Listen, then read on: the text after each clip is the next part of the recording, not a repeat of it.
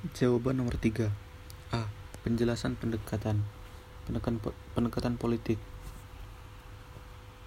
Pemilihan presiden atau kepala daerah menghasilkan rencana pembangunan hasil proses politik, khususnya penjabaran visi misi RPJM atau RPJM. Proses teknokratik menggunakan metode dan kerangka berpikir ilmiah oleh lembaga atau satuan kerja yang secara fungsional fungsional bertugas untuk itu. Partisipatif dilaksanakan dengan melibatkan seluruh pemangku kepentingan antara lain melalui musrenbang.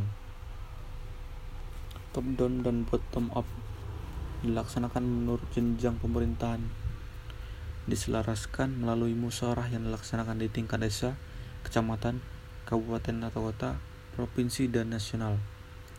Dokumen dan tahun. Dokumen nasional.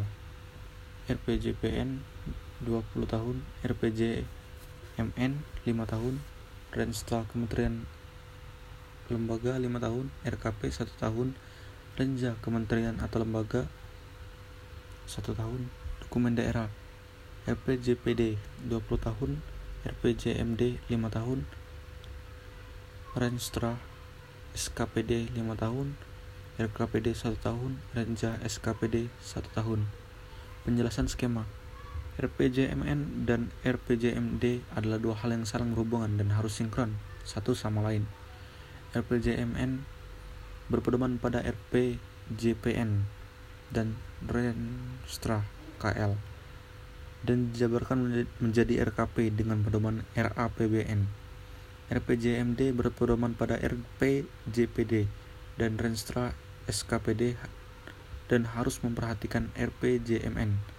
RPJMD dijabarkan menjadi RKP SKPD dengan pedoman RAPBD. RPJMD dapat disesuaikan dengan terhadap kebijakan yang ditetapkan ditetapkan oleh pemerintah pusat. Proses evaluasi RPJMD provinsi dan RPJMD kabupaten atau kota dapat dilakukan uji kesesuaian dengan RPJMN atau RPJMD provinsi untuk kabupaten.